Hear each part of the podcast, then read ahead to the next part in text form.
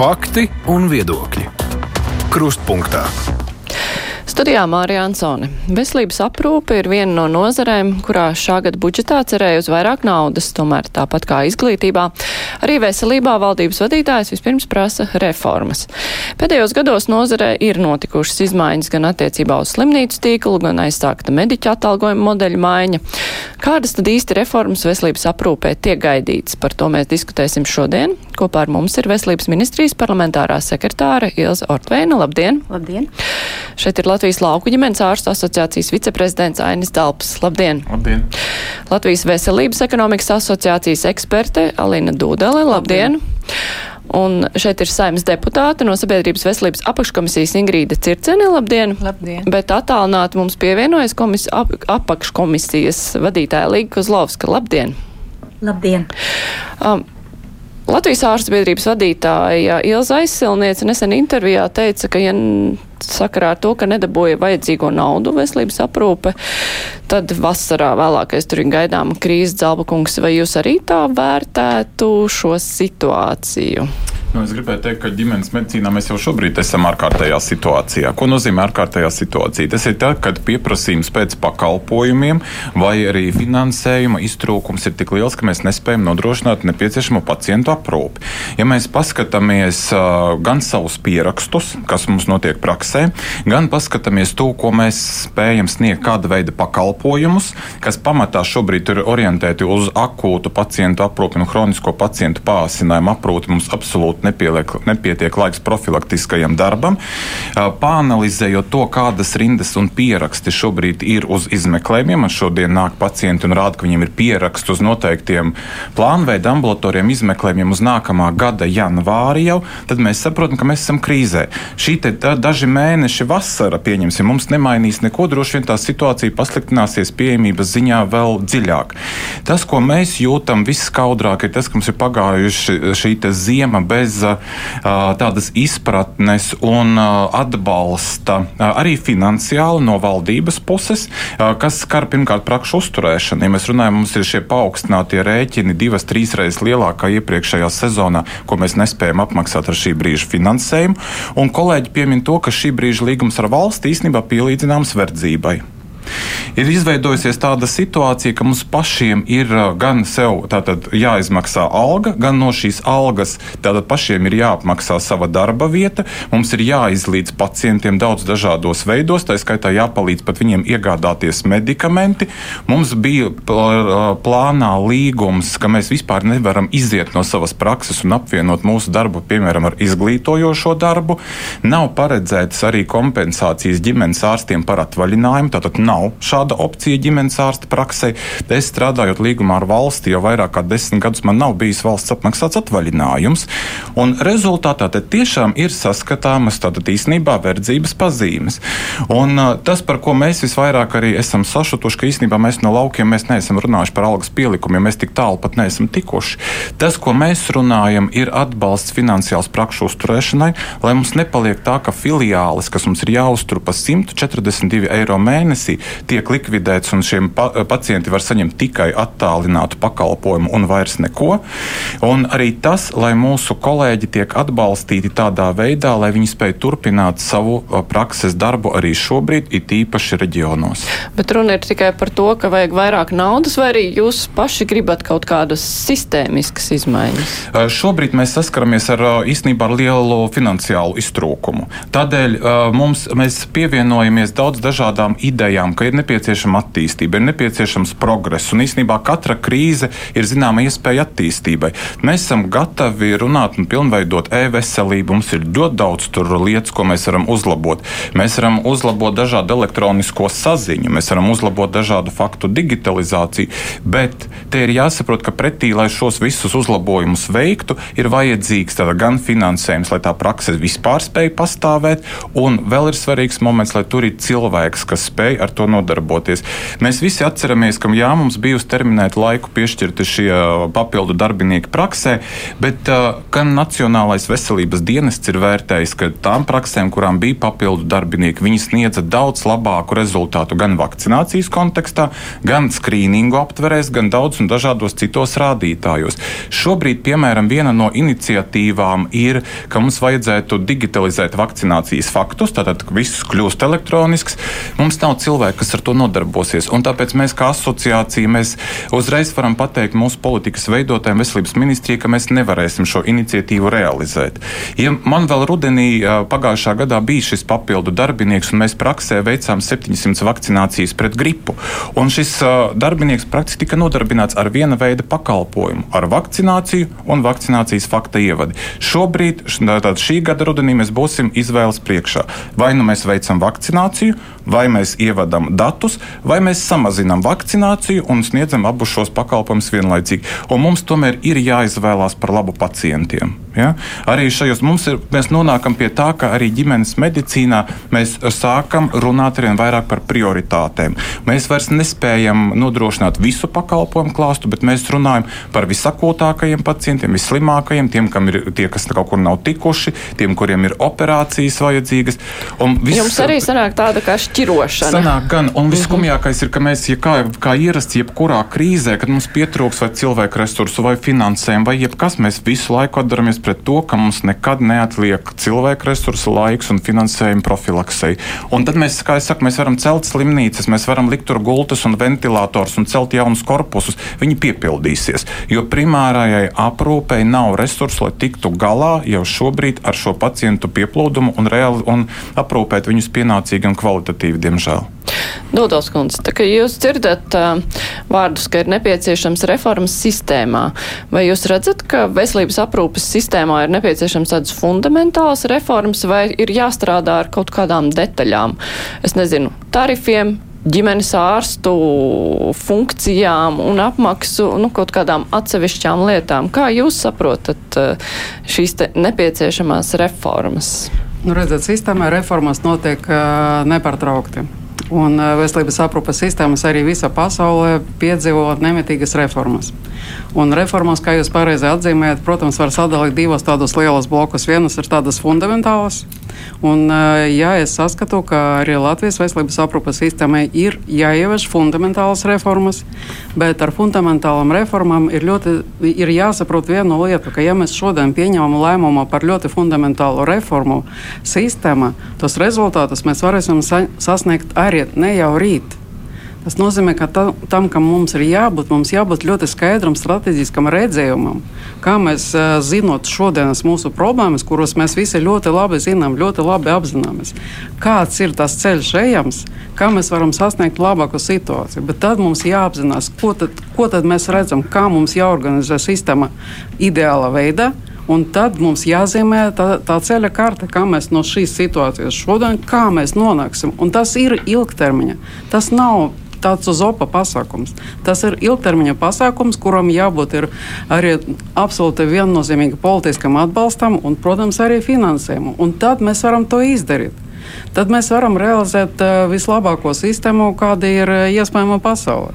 Bet, Bet ne, uh, ne uzreiz. Nu, dažādi veselības ministri nākuši ar dažādām iniciatīvām, vai ir kaut kādā brīdī nu, bijis kāda iniciatīva, kuru, nu, jā, vajadzēja, tā bija tā vīzija un nespēja vienoties. Vai tas vēsturē nu, no tām iniciatīvām vien Circenas kundzes virzīta veselība, obligāta veselības apdrošināšana, kur tikai virzīta, bet kurai tomēr nepietika politiskas drosmes viņu realizēt. Tas noteikti.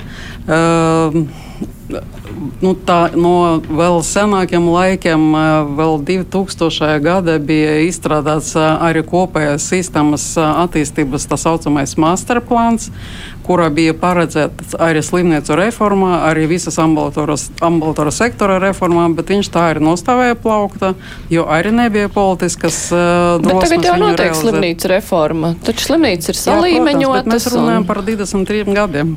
Mm -hmm. Nokavējumu 23 gadi. Tas, tas ir daudz. Un, uh, ja mēs paskatīsimies uz Igauniem, kuri apmēram tajā pašā laikā arī uzsaka reformas, arī ļoti līdzīgā veidā, arī sagatavot masterplānu, viņi toreiz realizē.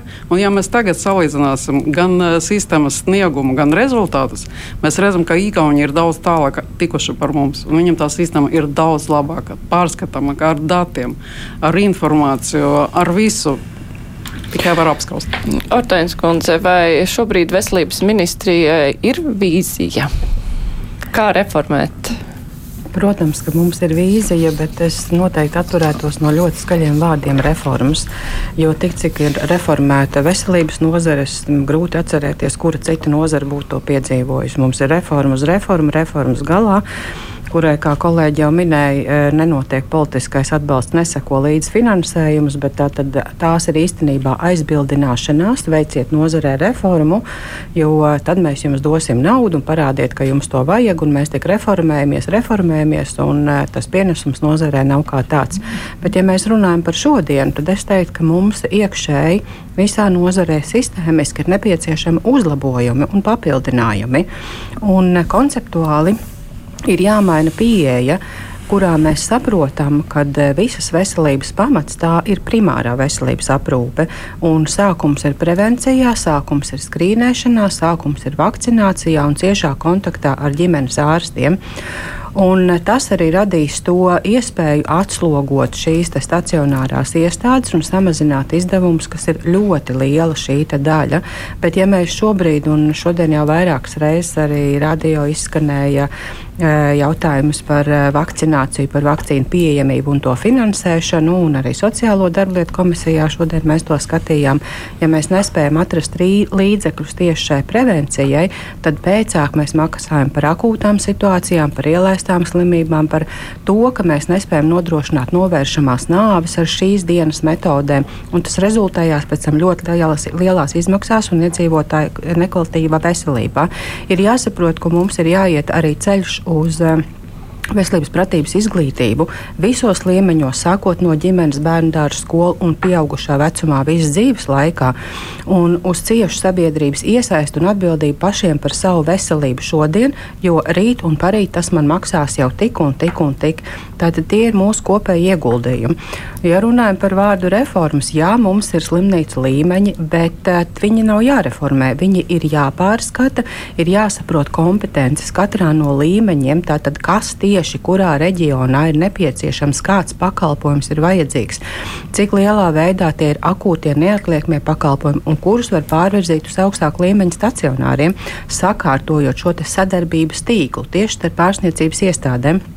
Tādā veidā mēs spēsim racionāli izmantot resursus un racionāli veidot arī cilvēku resursu bāzi, kur būs piesaistīta attiecīgā e, līmeņa slimnīcā. Bet nekādā runā, nekādā e, saitē nevar būt sarunas par to, ka mums ir jālikvidē un jāslēdz slimnīcas. Covid pandēmija to tieši ir pierādījis, cik svarīgas ir šīs vietas ar stacionārajām gultām. Vai viņas būtu piektā līmenī vai pirmā līmenī, tā ir iespēja pārplānot īsā termiņā un rast tieši šo fizisko novietni, lai ārstētu pacientus. Tāpēc e, ir darāmā ļoti daudz. Mums ir jāuzlabo datu pieejamība, mums ir jāuzlabo sava digitālā pratība nozarē.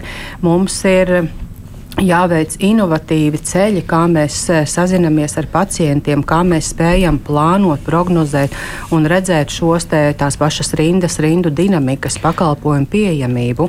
Ir tiešām ļoti daudz ko darīt, bet es nesauktu skaļi tās par kardinālām reformām. Bet, eh, tas, ko jūs minējāt, pamats primārā aprūpe, ja veselības ministrijai ir tāds redzējums, eh, kā tas iet kopā ar to, ko Zalbakungs minēja, ka šī primārā aprūpe jau vairs nevar celt to, kas tai ir. Tad mēs šobrīd saprotam, mums visu laiku notiek diskusijas ar ģimenes ārstu abām divām asociācijām. Zelpunks neļaus samelot. Un e, mēs saprotam to, ka Covid ir atstājis lielu ietekmi uz iedzīvotāju veselību. Tas ir viens. Cilvēki ir ar vairākām kroniskām saslimšanām, ar vairākām eh, veselību ietekmējošām saslimšanām tieši pārslimojot Covid. Un ne tikai. Mūsu populācija noveco, mēs dzimstam mazāk. Tātad mirstam mēs vairāk, bet arī dzīvojam ilgāk. Un šīs hroniskās kaitas mums vairs nav viena, divas, viņas pat trīs un četras.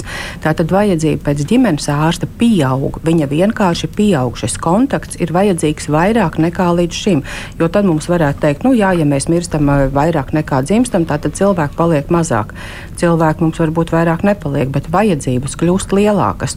Un te ir stāsts par to, vai mums pietiek ar esošo resursu tik lielām ārstu praksēm, vai viņas varbūt ir jāsamazina uh, cilvēku skaitā un jāpalielina ģimenes ārstu skaits, lai šo pakalpojumu varētu saņemt visi. Mums tāpatās, kā Zeltkungs arī pats min pareizi, ir jādigitalizē primārā veselības aprūpe, kas ir neatņemama šīs sastāvdaļa. Mums ir jādomā arī par to, ka eh, dot iespēju ģimenes ārstiem, kur vēlas apvienoties kopreksēs, padarīt šo savu darbu efektīvāku. Tātad šie zvanu centri, kas nodarbojās ar pacientu akūtiem zvaniem, kas var atbildēt uz jautājumu, tur nevienmēr jābūt ģimenes ārstam, to var darīt arī māsa. Šādas prakses piemēri ir kaimiņu valstīs, un viņi darbos ļoti veiksmīgi. Circens kundze, vai bez uh, obligātās veselības apdrošināšanas, lai nu ko kurš saprot ar šo, vai tas ir kāds papildus maksājums, vai tā ir uh, veselības aprūpas pakalpojuma piesaiste nomaksātiem nodokļiem, vai bez tā var uzskatīt, ka mūsu veselības aprūpas sistēma varēs pilnvērtīgi darboties. Paldies! Iepriekšējie runātāji jau ļoti daudz ko izstāstīja, bet, ja jūs jautājat par obligāto veselības apdrošināšanu, es tiešām domāju, ka Igaunija un Lietuva ir piemērs, uz ko skatīties. Un, ja mēs ņemam Igauniju kā modeli un piemēru, un mums bija arī janvārī atbraukuši no Igaunijas pārstāvi, kas arī visu to prezentēja, Tā būtība ir tāda, ka darba spējīgā vecumā visi cilvēki piedalās nodokļu maksāšanas faktā, un par to, ka viņi piedalās šajā faktā, ir eh, daļa no viņu samaksātajiem nodokļiem iezīmēta veselībai. Tas ir tā vienā teikumā. Tāda kā mums ir sociālā iemaksu struktūra, mēs veselībai principā nedodam neko, jo šis viens procents bija tikai kā pazīme, jo tā nauda, ko mēs no tā savācam, veselībai reāli ieguldījumu nedod. Līdz ar to ir jāveic šī nodokļu struktūrāla maiņa, lai panāktu, ka atkarībā no tā, kā to maiņu veids, vai tie būs 4,5, 7 vai 12,5 vai, nu, kā teica ministra, 14%, bet katrā gadījumā tas parādīs šo maksātāju loku. Un, teiksim, Igaunijā arī prezentācijā nu, nemaksātāju darbspējīgajā vecumā bija tikai daži procenti, apmēram 3. Taivānā 99,9 ir maksātāji iekļauti. Savukārt, kas ir pensionāri, bērni, studenti, daudz bērnu ģimenes un tā tālāk, 21 grupa ir tā daļa, ko apmaksā valsts no vispārējā kopējā budžeta. Šī gadījumā, ja paņemtu 12,5% no sociālajām iemaksām, tas sastādītu 1,4 miljardi. Bet un, tā, mazliet precizējot, tad tie cilvēki, kuri nav valsts apmaksāto uh, iedzīvotāju kategorijās, uh, un tie, kuri nestrādā, maksāšanā. Un Kā nu, tas notiek? Jāmaksā vienkārši. Nu, tā būs darba grupa, kura lems, ja tā tam būs būt tad viņi lems par summām. Piemēram, Igaunija mums rādīja, ka tad ir jāmaksā 2000 vai 3000 eiro, ja tu darba spējīgā vecumā neesi iekļāvies budžeta maksāšanas faktā. Bet nu, tur tās variācijas var būt dažādas. Ja, piemēram, paņem 14% no sociālām iemaksām minimālai algai, nu, tur mēs dabūjam kaut kādu noteiktu summu. Iespējams, ka tā lemj par citu summu vai kā. Nu, katrā gadījumā es jums nevaru šodien pateikt precīzi atbildi, jo tā darba grupa vēl īsti nav pat sākus darbu, tikko mēs pagājušajā nedēļā pieņēmām budžetu. Bet es tomēr redzu to, ka mēs ejam virzienā, kā ir Igaunijā, kura drosmīgi to pieņēma 93. gadā, un arī prezentācijā rādīja, ka visi tajā brīdī bija pret, gan visas ārstu organizācijas, mediķu organizācijas, pacientu organizācijas, visi bija pret. Un tagad viss ir laimīgi. Vienkārši tajā brīdī nu, tās ir jānocērt. Bet, uh, Kas notiek ar tiem cilvēkiem, kuri tad nav piedalījušies? Viņi kaut ko saņem, tas ir kaut kā līdzīgs. Tā palīdzība mm -hmm. visā pasaulē tiek Bet tā nav tomēr arī tā divu grozu sistēma. Nē, tā, nu, tā bija tāda diezgan mistiska dalīšana tajos divos grozos, jo īstenībā neviens nevarēja īsti atbildēt, kas tad tas ir. Jo neatliek... Bet, nu, kaut kādas tādas nu, līdzības tur, tur ir gan nav, cilvēka nav. kategorijas, Tādēļ, ka tas, kas bija tajos mm -hmm. grozos, tika iekļauts arī, ka visiem pienāks uh, primārā veselības aprūpe, savukārt Savukārt primārā veselības aprūpe velk līdz visus izmeklējumus, jo nu, ģimenes ārsti apstiprinās, ka bez analīzēm, izmeklējumiem, konsultācijām viņi nevarēs uzstādīt diagnozi. Līdz ar to šādi grozi nekur nestrādā. Urtveins kundze. Vai šāds variants tiek izskatīts pēc tam, eh, kas Lausas kundze, mēs jums dosim vārdu. Es tagad mēģinu saprast eh, koalīcijas un opozīcijas eh, bet partiju pārstāvju. Nu jā, bet apmēram noskaņas pirmās. Jā. Vai par to tiek jau domāts? Protams, un es teikšu tā, veselībai nav ne pozīcijas, ne opozīcijas, ne politiskās partijas piedarības. Bet par to pēc tam būs jāvienojas. Bet valdības deklarācijā ir ierakstīts šis te mērķis un virzība tātad uz 12% no kopējiem valdības izdevumiem, kā arī virzība uz veselības apdrošināšanu. Un ir saprotams to, ka veselība visā pasaulē ir dārga. Viņa nekad nav bijusi lēta, un viņa nekad vairs nebūs lēta, jo tehnoloģijas attīstās un attīstās visi ar veselību saistītie procesi. Un tātad šis valsts finansējums, kas mums tiek piešķirts gadu no gada, nesedz šīs vajadzības. Un ir jāsaprot to, ka nav jau cita ceļa, kā rast papildus finansējumu, kā vienoties par solidāri par par to, ka ir nepieciešams katram iedzīvotājam piedalīties savā šajā veselības budžeta nodrošināšanā, jo to dara ļoti daudzas pasaules valstis. Mēs neesam nekāds izņēmums, bet izņēmums mēs esam tajā, ka mēs esam atpalikuši pat no kaimiņiem par 20 gadus. Un ja mēs šodien izšķiramies un veicam šo soli, tad rezultātus mēs nesagaidīsim ne rīt, ne pēc pieciem gadiem, bet tie būs 10 gadi un 15 gadi. Un jo ilgāk mēs to atliksim, jo grūtāk mums būs savu veselības sistēmu ne tikai nodrošināt, bet, kā Zelbkungs ir teicis, reanimēt. Kas Lāsas kundze, nu kā jūs raugāties uz šo? Ierosinājumu, ideju, kas jau ir vīdējusi jau ļoti sen, bet, nu, šodien atkal par to nāksies spriest obligātā veselības apdrošināšana, kur, nu, daļa tiks apdrošināta, protams, no valsts puses, bet būs cilvēki, kuriem tad pašiem būs jādomā. Jā, cienījamie kolēģi, es varbūt neatkārtošu visas tās pareizās domas, ko pārējie kolēģi teica, bet nu patreizējais tomēr es gribu pieskarties pie tā, ka patreizējais veselības aprūpes budžets, ko pieņēma arī saima pagājušo ceturtdienu naktī, mm, es gribu uz piekdienu, uz trešdienu, uz ceturtdienu, ir ne tikai izdzīvošanas budžets, tas ir katastrofāls budžets, tas ir, tas ir budžets, par kuru vispār mēs nedrīkstam pasaulē, nekur ne, arī Baltijas valsts valstīs mēs pat nedrīkstam runāt par šādu, šādu pieņemto budžetu, un dabiski mums nu, sekos no mediķu organizācijām arī atbilstoši noteikti soļi. Eh, bet, un, un salīdzinājumam, es tomēr gribu teikt, vienmēr veselības aprūpes budžetā saka, ka esot ļoti daudz naudas, miljardi. 2022. gadā tātad mums bija 2,2 miljardi veselības aprūpes budžetam. Tagad šogad ir 1,6 eh, miljardi, nākošais gada arī paredzami 1,6 miljardi, aiznākošais gada arī 1,6.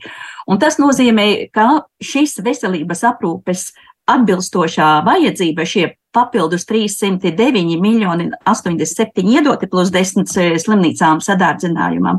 Šie papildus tagad 200 miljoni ir vajadzīgi šodien un rīt, jo savādāk Es saprotiet, mums taču par saviem cilvēkiem jādomā. Tas, ka, teiksim, obligātā veselības apdrošināšana taps lēnā garā iespējams, Tā nebūs viena mēneša jautājums, tas nebūs divi mēneši, bet budžetā nauda ir vajadzīga šodien, lai pacients saņemtu valsts apmaksātu pakalpojumu, lai mediķi paliktu savās valsts apmaksātajās darba vietās, lai būtu vispār sniedzkas palīdzību gan primārajā, gan sekundārajā, gan terciārajā līmenī. Un es eh, gribu teikt, ka šie 300, tātad 9 miljoni, tātad papildus šie 200 miljoni, tas, tas jau vairs Tā kā Ainis arī teica, tas ir reanimācija, tā ir reanimācija veselības aprūpei. Vai nu mēs esam, vai mēs neesam.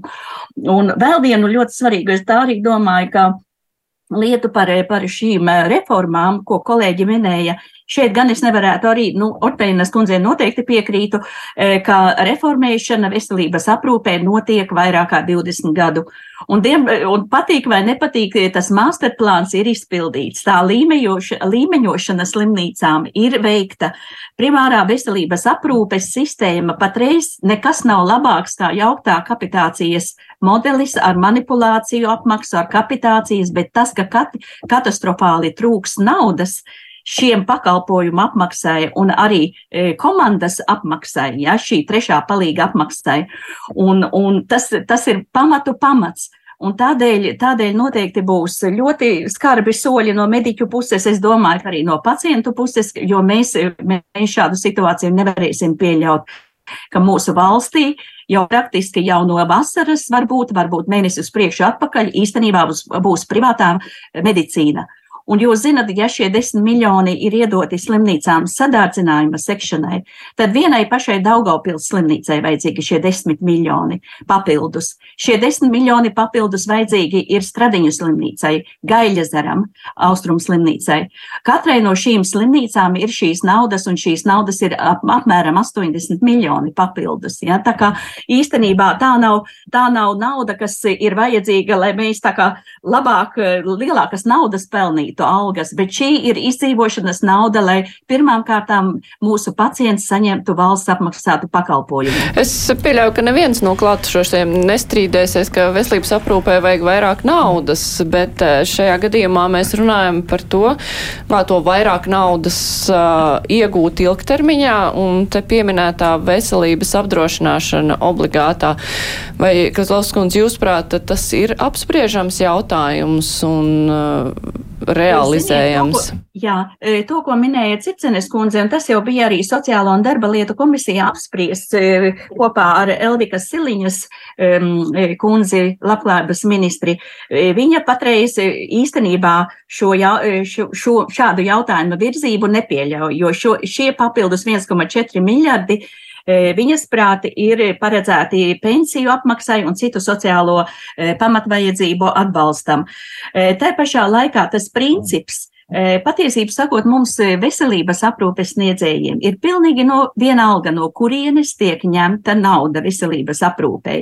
Galvenais ir jābūt šiem tātad patreiz 6% no IKP vai 12% no kopējā budžeta, Tā pašā laikā es esmu bijusi arī Circenes kundze, zin, arī lauku asociācija, lauku ģimenes ārstu asociācija. Tajā laikā mēs bijām pret šo modeli viena iemesla pēc, un arī tagad mums būs par to jāskatās.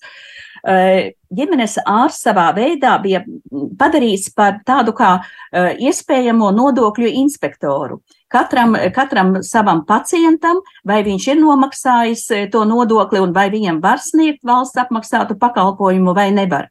Un patreizējā šī sistēma, kas mums valstī ir, nav digitalizācijas, nav nekādas nu, informācijas apmaiņas, tādas pēc būtības es esmu ar mieru, ka, piemēram, no sociālā budžeta no šis vajadzīgais budžets, budžeta daļa tiek novirzīta veselības aprūpei.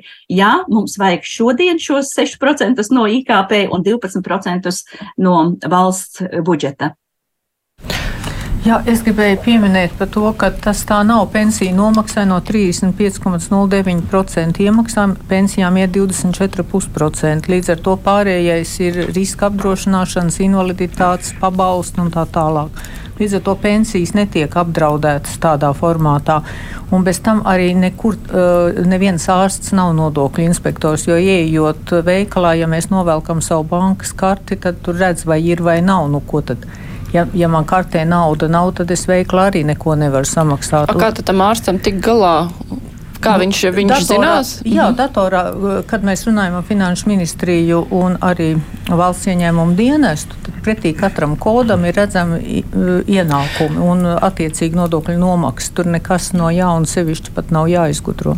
Bet tam ārstam tomēr ir jāsaka, Bet ka arī tas šodien, ja nav ģimenes ārsts nosūtījums, tas speciālists prasa mm -hmm. naudu, un tā tas jau ir desmit gadus. Nu, ko tad?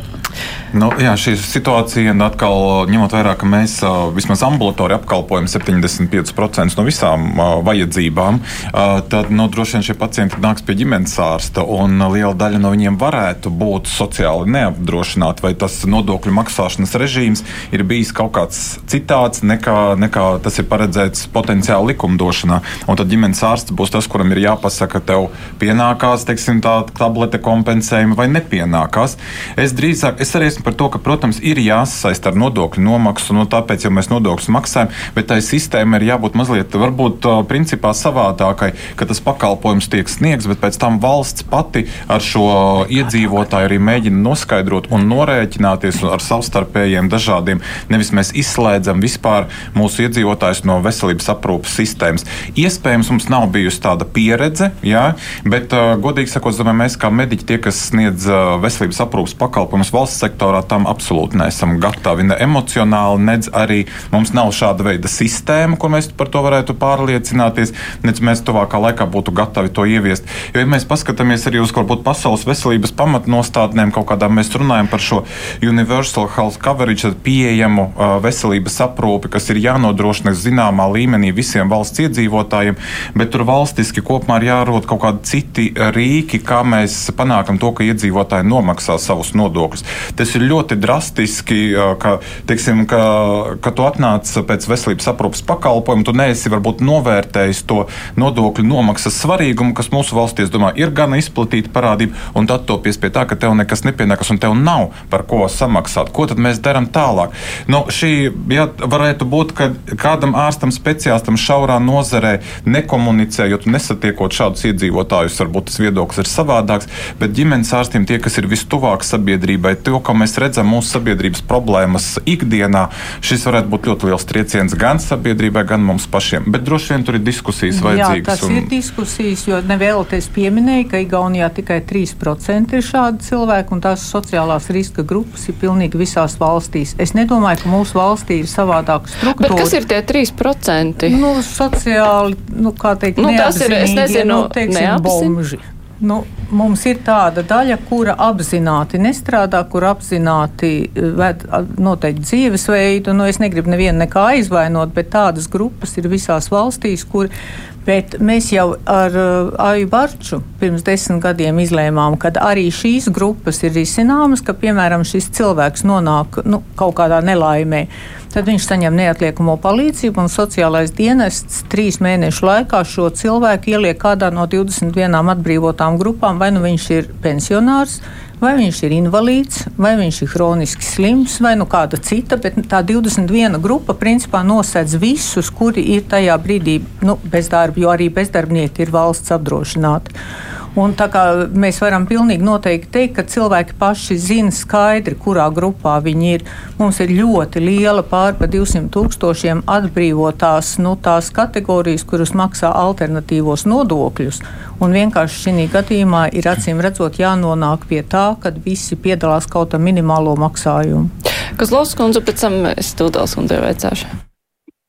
E, jā, es gribēju gan teikt, ka es arī noteikti vēl joprojām piekrītu tam, ka ģimenes ārsts pie patreizējās sistēmas nav ar mieru piedalīties šajā sistēmā un šķirot pacientus, kurš ir maksājis nodokļus un kurš nav. Jo mums vienalga skatoties vai nu datorā, kas arī atkal ir papildus darbs, ja, un meklējot, vai arī, kā, teiksim, projektā bija paredzēts, ka tam, tas pacients, kurš nav šajā nodokļu maksātāju sistēmā, it kā viņam pašam jāsazvanās ar NVD, jā, Nacionālo veselības dienestu un jā, jānoskaidro savs nodokļu maksātāja status.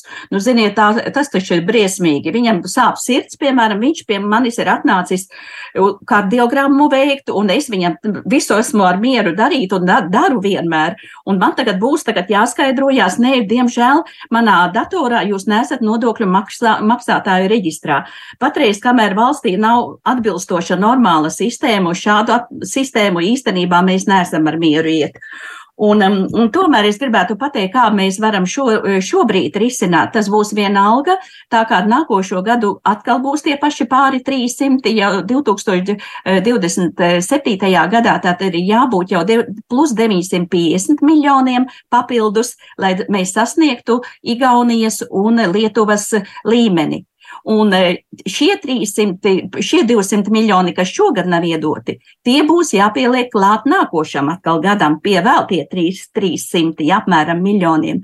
Tas nozīmē, ka šogad, kamēr, nu, teiksim, būs meklēta tā burvju nūjiņa, no kurienes papildus naudu ņemt, būs jā, jāpalielina budžeta deficīts jāpalielina budžeta deficīts par 200 miljoniem, ja valsts grib, lai būtu valsts apmaksātie pakalpojumi mūsu pacientiem. Nu, es domāju, tas, es vēlreiz gribu pateikt, tas ir dzīvības un nāvis jautājums. Un tā ir politiķu atbildība, tā ir valdības atbildība, vai viņi to spēs vai nespēs. Nu, tas ir un galvenais, mm -hmm. jo mēs nerunājam ne par onkoloģisko pacientu prioritāti, ne par psihiskās veselības plānu izpildi, kur nav iedoti 5 miljoni papildus, un tā mēs varam runāt par kompensējamo medikamentu nepietiekamību, jā, 80 miljonu papildus vajadzīgi, par primāro aprūpi vispār nerunāsim, tur papildus 26 miljoni, kas nav iedoti. Nu, vienkārši es, es teikšu tā, tas ir, es saku vēlreiz, tas ir dzīvības nāves jautājums šogad, bet to, ka pa šo gadu jāmeklē ir tā burvju nūjiņa, un varbūt tas ir no sociālā budžeta vienkārši vai no ienākuma noda, no, um, nodokļa jānodala. Noteikta daļa veselības aprūpē, patiesību sakot, nu tā ir izšķiršanās, nu, bet galvenais, lai mēs nebūtu atkal, teiksim, šķirotāji. Nu jā, tā būs atsevišķa diskusija droši vien valdībā, bet tomēr atgriežieties pie apdrošināšanas. Um, paklausoties uh, visu, nu, kā, kā tas strādā, nu, neizklausījās, ka tas nestu papildus naudu. Tā ir nodokļu pārdala vienkārši. Tie 3% jau, nu, kas būs neapdrošināti, neko laikam daudz nemainīs. Kā tas strādā? Kāds gribētu, ir tas pozitīvais ieguvums? Jā, es gribētu pievērst uzmanību tam faktam, ko man liekas, mēs nedaudz šeit zaudējam diskusijas gaitā. Mēs runājam par to, ka mums vajag veselības apdrošināšanu, bet nu, mums nav jācer, ka, ka šī ir panacēja.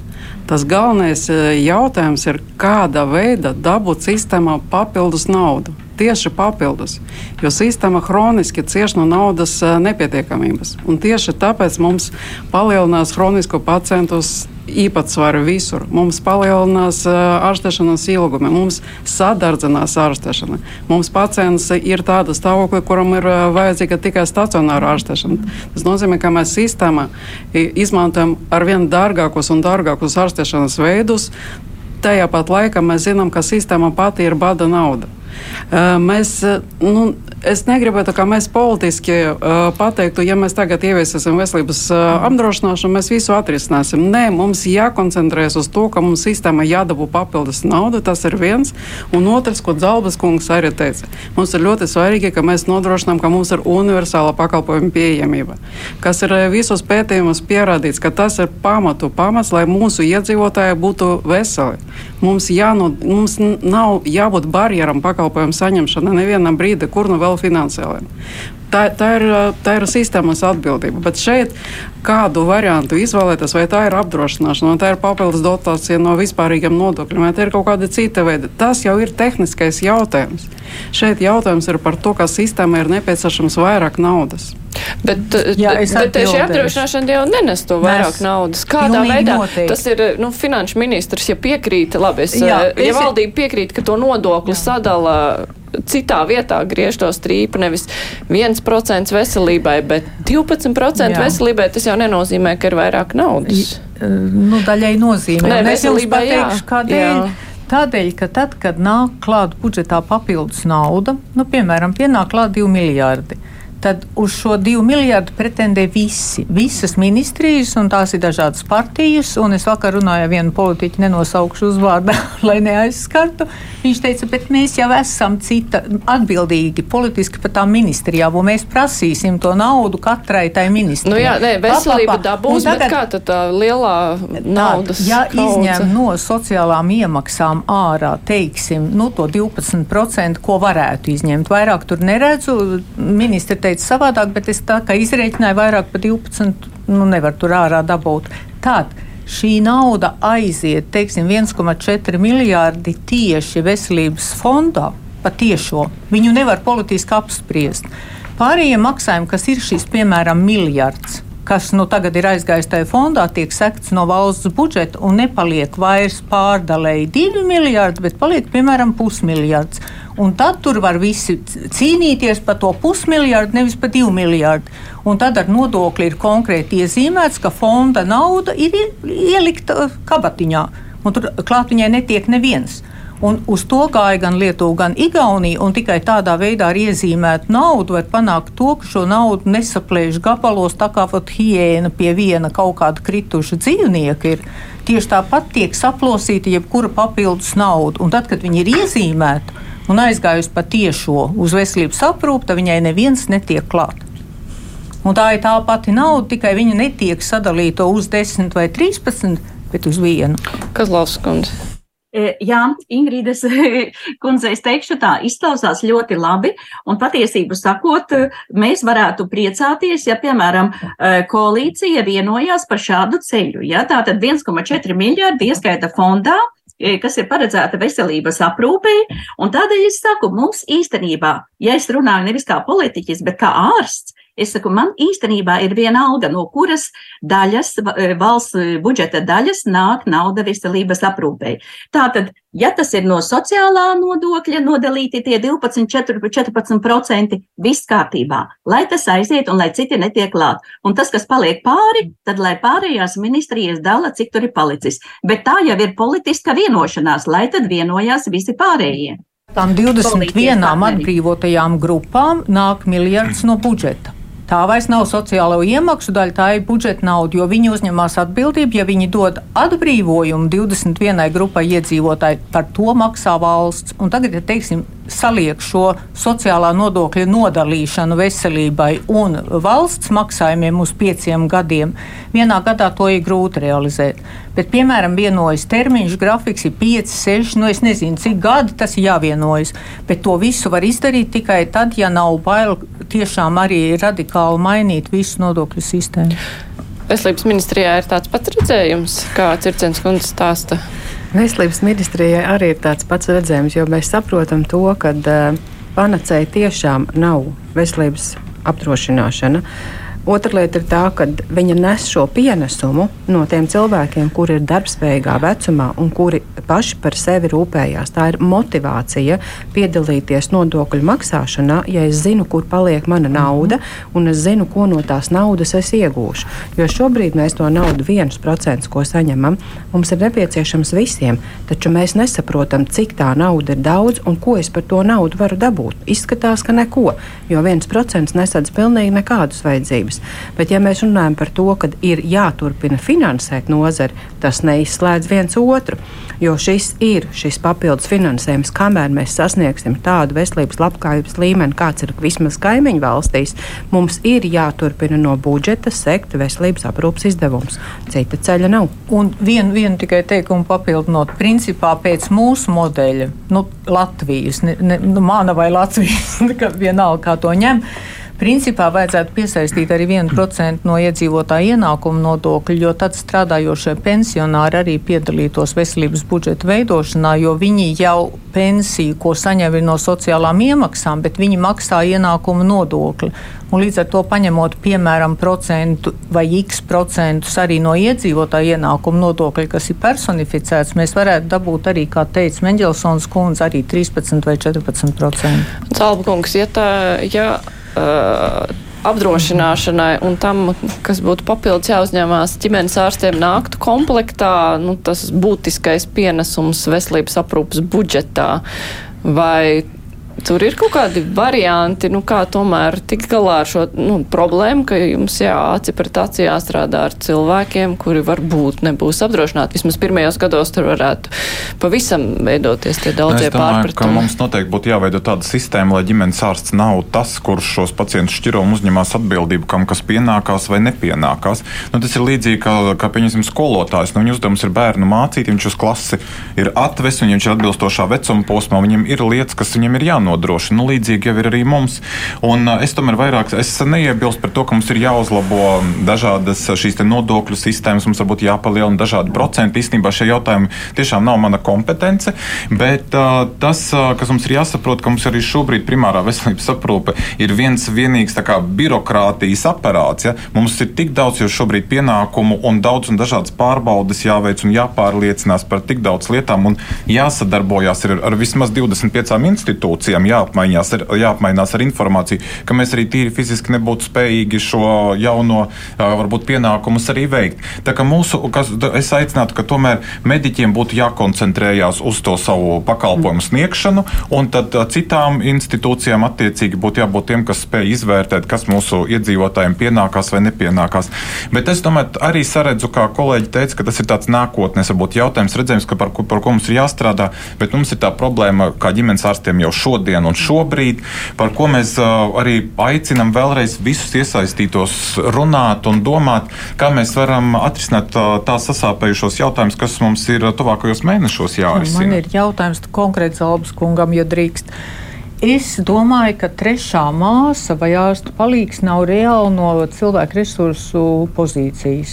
Līdz ar to nu, arī nenosaucot, bet es varētu nosaukt uzvārdus. Es zinu ģimenes ārstu prakses, kurās šīs uh, māsas un ārstu palīgi krusteniski strādā pie vairākiem ģimenes ārstiem, tās pašas māsas. Un iespējams, ka nevis tādēļ, ka viņas to ļaunprātīgi darītu, bet ka nemaz to daudzo māsu nav. Un līdz ar to šī trešā persona, par ko es absolūti atbalstu, ka jums viņa būtu vajadzīga, viņai nevajadzētu būt medicīnas personālam. Viņa varētu būt šīs koordinators, kas savadītu visus faktus da datorā, uzaicinātu visus uz šīm profilaksēm, uz vakcinācijām. Tur nevajag medicīnisko izglītību. Nu, tā mums arī bija nu, jā. pagājušā gadā, bet uh, tas ir tas, ko mums arī, es gribētu teikt, teikt, arī atņēma. Ja? Nu, Mums bija šie papildu darbinieki. Mēs neceram vairs atrast jā. Latvijā kādu medmāsu nav, vai ārsta palīdzību. Mēs, mēs runājam par, par administratoru jā. vai par vienkārši uh, jaunu apģērbīgu cilvēku, kurš spēj strādāt ar datoru, mm -hmm. komunicēt latviešu, angliski vai iespējams vēl arī krieviski. Jaunu, bet varbūt arī vecu. Jā, un arī šis cilvēks būs tas filtrs, lai jums nevajadzētu justies nelaimīgi. Un ja mēs runājam arī par šīm te, par šīm te reformām, tad īstenībā mēs palaidām garām šo brīdi, ja mēs runājam, ko mēs, ka mēs visi konceptuāli saprotam, cik liela un svarīga loma ir primārai veselības aprūpei, tad beigās, ko mēs izdarījām? Mums sanāk, mums trešo darbinieku mums likvidē, tur, kur runa iet par 7, 8 miljoniem gadā, to mēs atņemam, tas mums nav vajadzīgs. Mēs nevaram rast finansējumu prakšu uzturēšanai, it sevišķi otrajām prakses vietām, tur ir nereāli tās uzturēt, mēs tās visas mazināsim. Mums ir izveidojusies dīvaina situācija ar kapitācijas naudu, kā jau kolēģi teica, mēs novecojam, bet dzimstība veselība ir mazāk, finansējums samazinās, mēs saprotam, ka mums primārā veselības aprūpe būtiski sarūk un, un ir paredzama tuvākā laikā tikai stagnācija.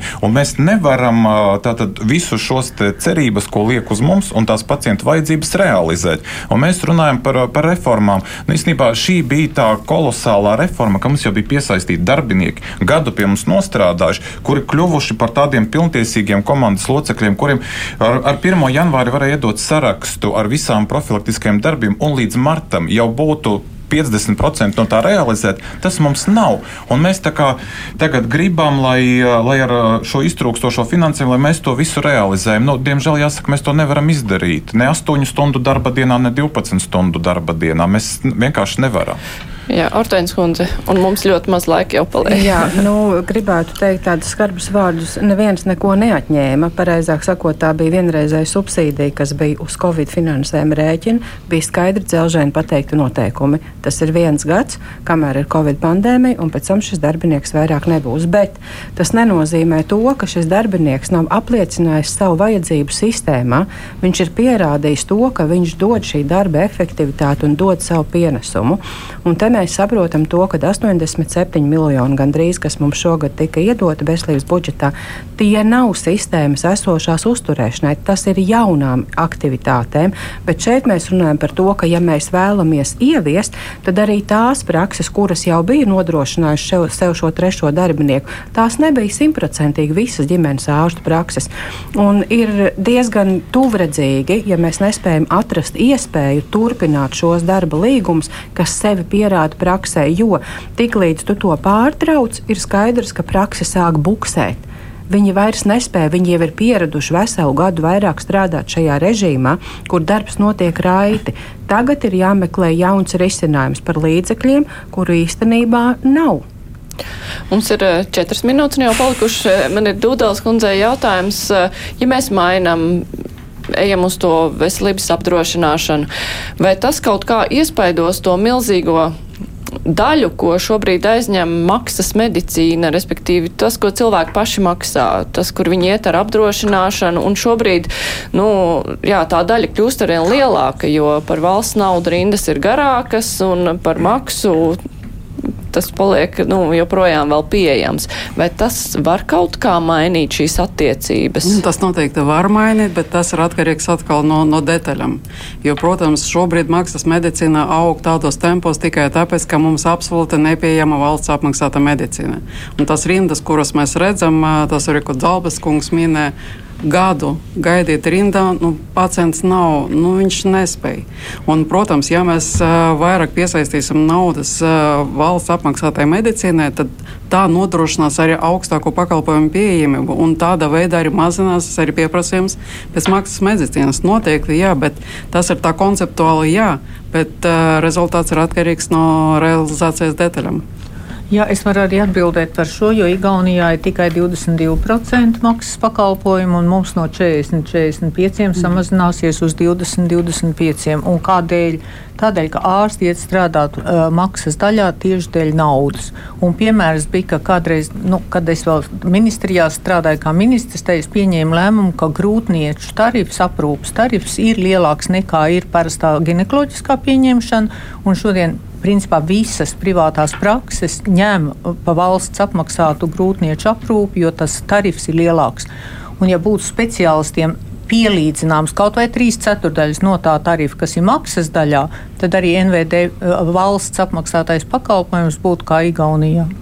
Un tas nozīmē, ka ir arī stipri jādomā, un tas arī maksā naudu par tarifu celšanu. Nu, tur jau tā, tie 2,6 eh, miljārdi sanāk. Kas Losas kundze grib piebilst jā, kaut ko? Ļoti īsi, jā, mēs vienkārši vēl nepieskārāmies cilvēku resursiem, jo patiesību sakot, ja nebūs adekvāti samaksā, samaksāts eh, ģimenes ārstu darbs, laukos sevišķi, un kur mēs zinām, ka praktiski vairāk kā viena, tre, praktiski tuvojamies pusē pensijas vecumam, tad, tad, tad īstenībā būtībā lauku prakses paliks bez ārsta, bez māsas un bez felčera.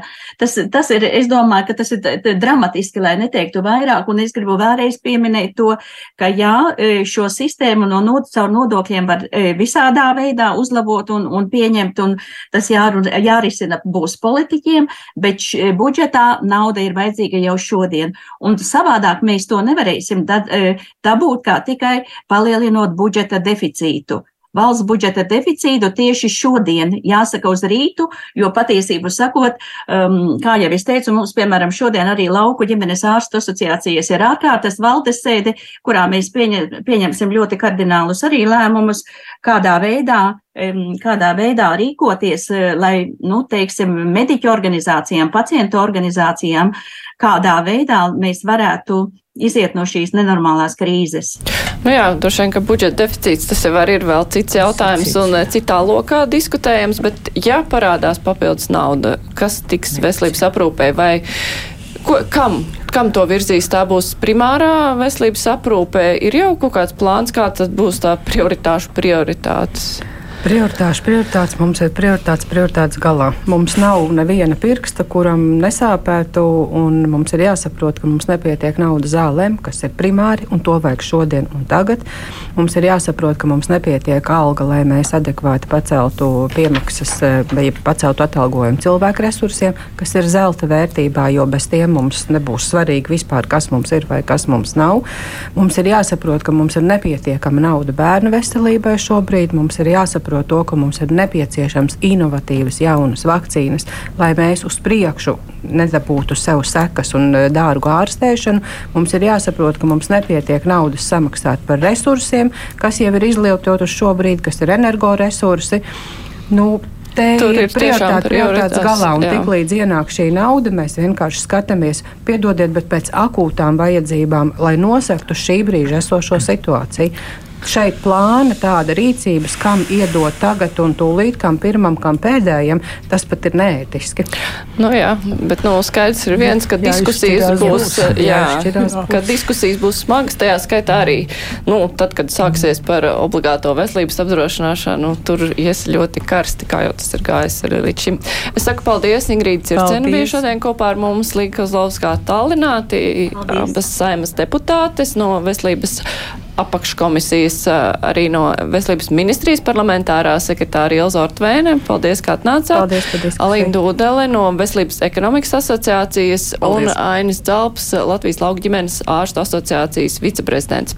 Kruspunktā izskan raidījuma producēja Loreta Bērziņa, studijā bija Mārija Ansona. Vislabāk!